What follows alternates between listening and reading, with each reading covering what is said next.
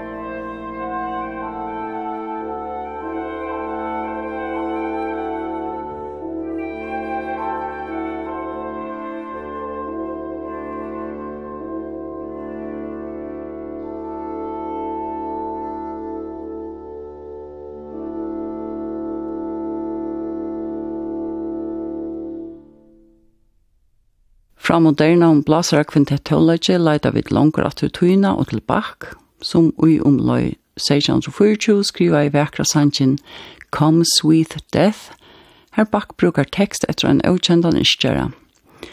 Bak skriva i verset opprunalega for solo rødt og bass continuo, men som vi så nekvene av hans tonløyke, så vera det ofte utsett for ljåføre, og så løser øysten i hesomføre. Her vi fara høyra en utsetting for fem celloer. Til 23 år gamle cellisteren Sheko Kanemasun ur Onglande som stendte for hesar utsettingene av Come Sweet Death.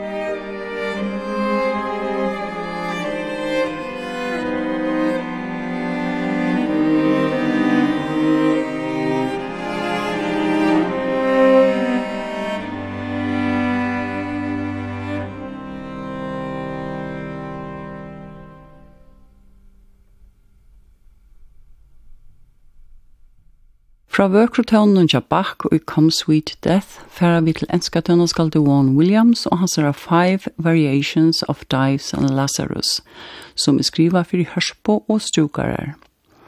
Som høyt i Østens Sipa til, så brukar Warren Williams et eldre lær i kallas Dives and Lazarus som tema i hessen fem variasjonen. Verstje var bylagt under 1933 av The British Council i samband med en såkallet World Fair i New York og det var også New York Philharmonic som from framførte verset i Carnegie Hall. Men her får vi da høre Academy of St. Martin in the Fields framfor under løslo av Sir Neville Mariner.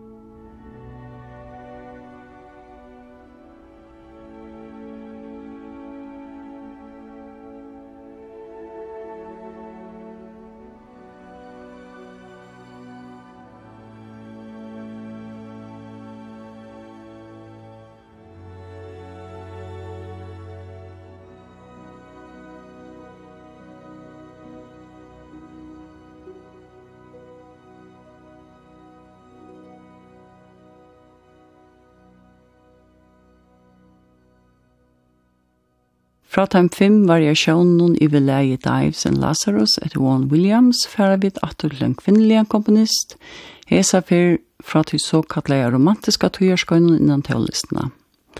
Louise Farranc er født i Paris i 1804 og var en virtuoser pianister, lærare og tøvnaskald. Hon skriva i trutja symfonier, nøkker kjøversk og herum framt en rikve av kamertøvnløtje og klavertøvnløtje. Til eit av hennara verskom fyrir kamertonløg, og vi skulle høyra. Verskje eitur nonnet i Estor, opus 832, og hev fyra satser.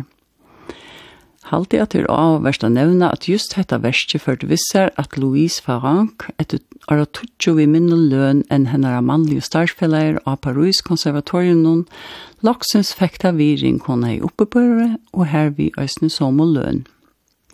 Vi tverra lust etter tria satse, Skertso vi vatje, og til er konsortium klassikum vi framfører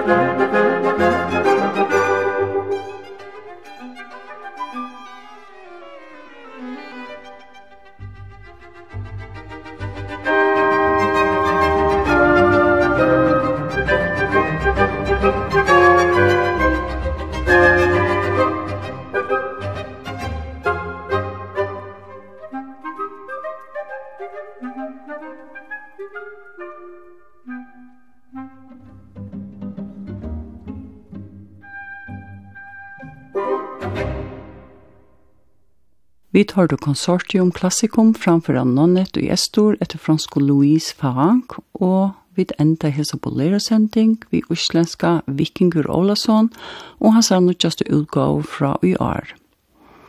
Vikingur færa framfor Adagio ur einar sonato fyrir solo violin etter Bach, som Vikingur sjolvur hever arrangera fyrir klaver. Hentan sendingen er atra høyra mann av kvöld klokkan 8 og ligger østnetøk av kvf.fo. Vestertøyen Urt Johannesen og teknikeren Rune Østerløy takka for i det.